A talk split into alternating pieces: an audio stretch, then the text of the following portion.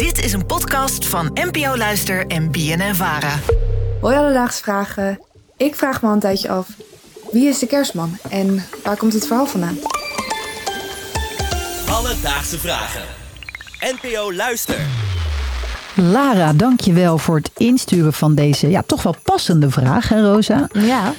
Ik vind het zo ongelooflijk leuk dat ik vandaag met jouw eerste kerstdag voor het eerst sinds nou weken op de geboortedag van het kinderke Jezus met jou hier weer eens een aflevering mag Ik vind opnemen. het ook wel mooi. Het is een soort symbolisch, hè? Een soort nieuw licht.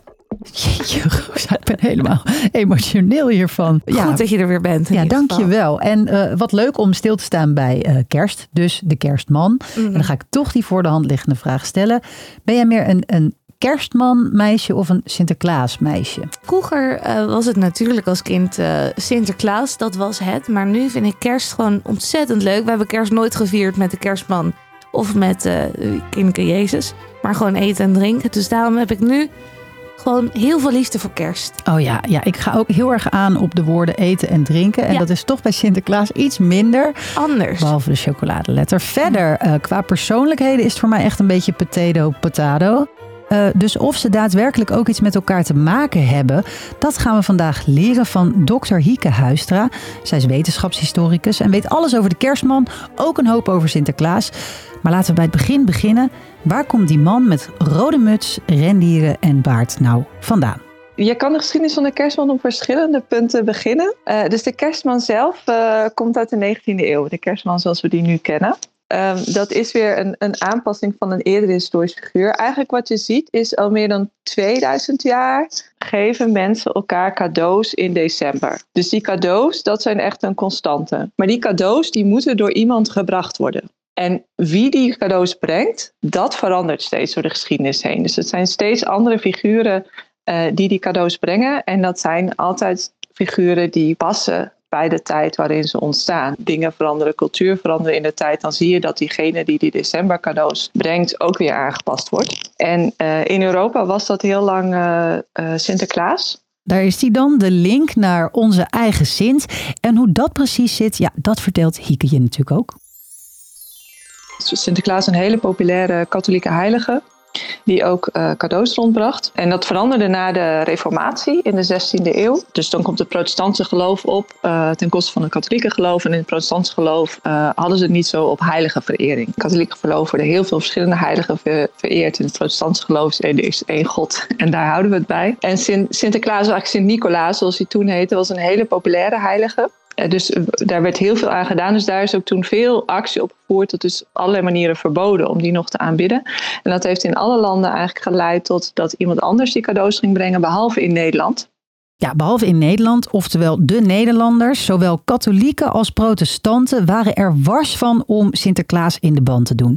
Sterker nog, Nederlandse immigranten namen de traditie van Sinterklaas zelfs mee naar het Amerika van de 16e eeuw, waar toen nog heel veel Nederlanders naartoe gingen. En zo langzaam zijpelde die traditie van Sinterklaas door naar bijvoorbeeld de Engelsen, waardoor de kerstman niet voor niks Santa Claus heet. Ja, dat lijkt verdomd veel op Sinterklaas. Bijna hetzelfde. Het is bijna hetzelfde. Amerikaans. Ja, zoals alles altijd. Yep, that's life. Maar dan vraag ik me toch wel een beetje af, want eh, ik ken ook de, de kerstman natuurlijk van de Coca-Cola reclame. Ja, die Coca-Cola-link. Dat is dus een beetje een mythe dat de kerstman er zo uitziet dankzij Coca-Cola. Maar die hebben dat marketingtechnisch wel heel goed naar zich toe weten te trekken. Want eerlijk is eerlijk, in de winter cola, frisdrank, waar slaat dat in hemelsnaam om? Ijskoud. Maar ze wilden gewoon heel graag dat gevoel hebben van hij heeft heel hard gewerkt. En daarna kan hij zichzelf zeg maar lekker afblussen met een Coca-Cola. Ja, en eh, heel veel geld, marketing, gaat de hele wereld over. Dus sindsdien hebben heel veel mensen het idee dat we ja, dat allemaal dankzij Coca-Cola. eh, Zijn we weer beïnvloed door het kapitalisme? Het is ongelooflijk. Alledaagse vragen. Oké, dus de kerstman ziet er dus niet zo uit door Coca-Cola. Maar ondanks dat Sinterklaas op Sinterklaas gebaseerd is, is er ook wel een groot verschil in omvang eigenlijk. Want als je kijkt naar de Sint, die is lang en dun. En ja, Santa is lekker dik. Ja, Hoe zit en lekker dat? kort, lekker Ja. stevig. Ja, dat weet Hieke ook als geen ander. Sint-Nicolaas is een katholieke heilige. Aanbeden vanaf dus ongeveer de 12e eeuw. En in die tijd kon dik zijn uh, verschillende dingen betekenen, maar het was nooit, uh, in de katholieke kerk werd dat niet gezien als iets goeds. Dus werd, werd dik zijn, dat staat symbool voor gulzigheid, voor geen maat kunnen houden. Dus zeker voor heiligen is het heel belangrijk dat je matig bent. Sinterklaas of Sint-Nicolaas stond er ook onbekend. Er zijn verhalen over hem dat hij als baby al op woensdag en vrijdag de borst weigerde. Nou, en dan krijg je dus in de 19e eeuw uh, dat, dat, dat Sint-Nicolaas verandert in de kerstman in de VS. En dan zit je in een totaal andere tijd met totaal andere ideeën over dik en dun. En dat is in een periode, de 19e eeuw, begin van de 19e eeuw in de VS, op dat moment dat dik zijn uh, geassocieerd wordt met rijk zijn, met gezond zijn en ook met gul zijn, vriendelijk zijn en met oud zijn. Nou, en al die dingen is natuurlijk precies wat de kerstman is. Het figuur, de kerstman, vindt zijn oorsprong toch echt bij Goedheiligman Sint-Nicolaas, ook wel Sinterklaas. De vriendelijke gullegever kwam via Nederlandse immigranten terecht in Amerika zo rond de 16e eeuw.